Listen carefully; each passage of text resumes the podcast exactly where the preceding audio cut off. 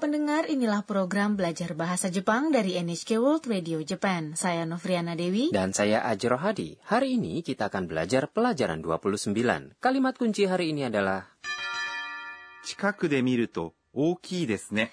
Kalau dilihat dari dekat, besar ya. Anna sedang mengunjungi kota Shizuoka di mana Sakura dilahirkan. Hari ini ia diajak ke tempat yang dapat melihat Gunung Fuji dengan sangat bagus oleh sepupu Sakura, Kenta. Gunung Fuji adalah gunung tertinggi di Jepang dan terdaftar dalam situs warisan kebudayaan dunia UNESCO. Mari kita dengarkan adegan untuk pelajaran 29.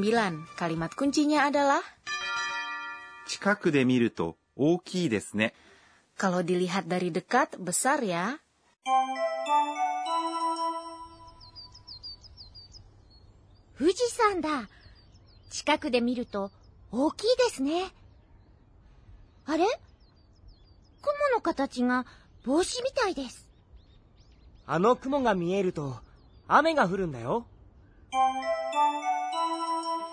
Sekarang mari saya jelaskan mengenai adegan tadi. Anna mengatakan, 富士山だ。 Gunung Fuji 富士山 adalah Gunung Fuji. だ Adalah bentuk informal dari です。 ungkapan sopan pada akhir kalimat. Apakah san dalam Fuji-san sama dengan san sebutan kehormatan pada nama orang? Bukan, meskipun pengucapannya sama. Gunung adalah 山 namun diucapkan sebagai 山。 saat disambung dengan nama gunungnya. 近くで見ると大きいですね。 Kalau dilihat dari dekat, besar ya. Ini adalah kalimat kunci hari ini. Dalam kalimat ini, subjek Fujisang yang artinya Gunung Fuji dihilangkan. 近く Adalah dekat. で Adalah partikel yang mengindikasikan tempat. 見る、 Adalah bentuk kamus dari 見ます、 yang artinya melihat. と Adalah partikel yang mengindikasikan syarat. Kita menggunakannya saat atau jika sesuatu terjadi akan menyebabkan terjadinya hal yang lain. Ini mengindikasikan hubungan sebab akibat. Jadi, 近くで見ると Berarti kalau kita melihatnya dari dekat. Berhati-hatilah di sini, kata kerja menggunakan bentuk kamus atau bentuk nai sebelum to. Jika partikel to dipasang setelah kata kerja, ini mengindikasikan suatu syarat, betul ya? Betul, 大きい、 adalah besar. Kecil adalah 小さい。です、 adalah ungkapan sopan pada akhir kalimat. ね。 Adalah partikel yang ditambahkan pada akhir kalimat. Gunakan saat Anda menginginkan persetujuan dari orang yang Anda ajak bicara. Kini, mari kita berlatih mengucapkan dalam bahasa Jepang. Kalau kita melihatnya dari dekat, besar ya. 近くで見ると大きいですね。 Anna memperhatikan sesuatu. あれ雲の形が帽子みたいです。 Eh, bentuk awannya terlihat seperti topi. あれ Adalah kata seru yang Anda gunakan saat menyadari akan sesuatu. 雲 Adalah awan. の Adalah partikel yang menghubungkan kata benda. 形 Adalah bentuk. が Adalah partikel yang mengindikasikan subjek. Di sini, kumono katachi atau bentuk awan merupakan subjeknya. 帽子 Adalah topi. みたい。 Adalah seperti. Awan terlihat seperti topi. Awan di atas satu puncak gunung seperti topi disebut 笠雲 ini dikatakan pertanda hujan. Kenta menjelaskan kepada Anna. あの雲が見えると雨が降るんだよ。 Kalau awan itu terlihat, hujan akan turun loh. あの Adalah itu. Ini merupakan kata demonstratif yang menunjukkan pada suatu benda yang jauh. Kumo adalah awan. Ga adalah partikel yang mengindikasikan subjek. 見える、 Adalah bentuk kamus dari 見えます。 yang artinya bisa dilihat atau terlihat. To adalah partikel yang mengindikasikan suatu syarat. Novriana, apa sih perbedaannya antara mimas dan miemas? 見ます。 Artinya Anda melihat sesuatu dengan sengaja. 見えます。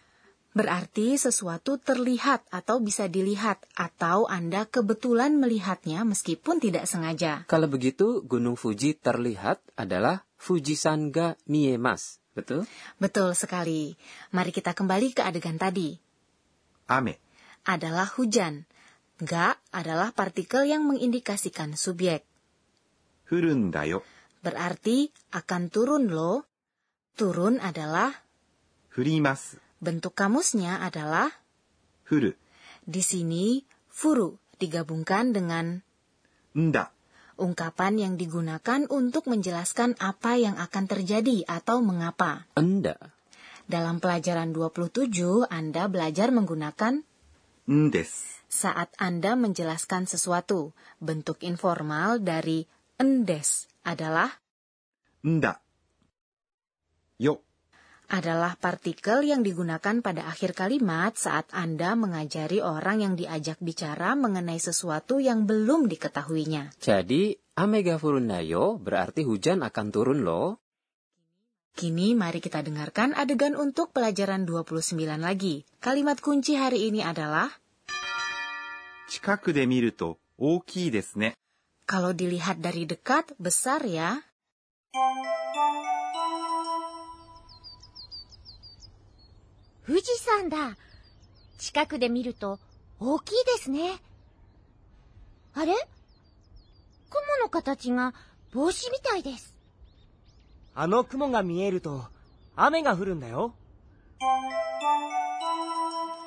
Sekarang waktunya pojok Sensei Oshiete. Penyelia program ini, Profesor Akane Tokunaga akan mengajarkan mengenai poin pembelajaran hari ini. Hari ini kita mempelajari Anda, ungkapan yang digunakan untuk menjelaskan sesuatu. Saya ingin tahu lebih banyak cara menggunakannya. 私が教えましょう Sensei mengatakan, bentuk dasar dari んだ、 adalah のだ、 ucapkan noda pada akhir kalimat saat Anda ingin menjelaskan apa yang akan terjadi, mengapa, atau dalam situasi apa. Dalam percakapan informal, gunakan enda. Untuk cara yang sopan, gunakan endes. Anda tidak dapat menggunakan bentuk mas dari kata kerja sebelum noda. Anda harus menggunakan bentuk biasa, seperti misalnya bentuk kamus atau bentuk ta. Misalnya, Anda ingin mengatakan hujan akan turun jika awan seperti itu terlihat. Hujan akan turun adalah 雨が降ります。 gantilah 降ります。 yang artinya turun menjadi bentuk kamusnya 降る。 dan tambahkan enda. Jadi ucapkan 雨が降るんだ。 kalimat sopannya adalah 雨が降るんです。 noda menjadi なのだ。 jika kata benda atau kata sifat na diletakkan sebelum noda. Dalam hal itu, enda menjadi なんだ。 Jadi jika pekerjaan 仕事、 adalah alasannya, katakan 仕事なんだ。 kalimat sopannya adalah 仕事なんです。 Itulah tadi pojok Sensei Oshiete. Berikutnya adalah pojok kata tiruan bunyi. Kita memperkenalkan kata-kata yang menyerupai bunyi, suara, atau perilaku. Wah, hujan deras. Dalam bahasa Jepang, ini digambarkan sebagai ザーザ kita mengatakan za-za saat hujan deras. Saat hujan rintik-rintik, kita menggunakan ー、しとしと。 dan demikian pojok kata tiruan bunyi hari ini. Sebelum menutup perjumpaan, Anna mengingat kembali kejadian hari ini. Inilah pojok catatan si Anna. えーっと、今日は、 Gunung Fuji dengan awan di atasnya juga indah. Kenta dapat meramalkan cuaca dengan melihat bentuk awan. Ia tahu banyak, ia bisa diandalkan. Apakah Anda menikmati pelajaran 29? Kalimat kunci hari ini adalah, 近くで見ると大きいですね。 kalau dilihat dari dekat, besar ya. Sampai jumpa.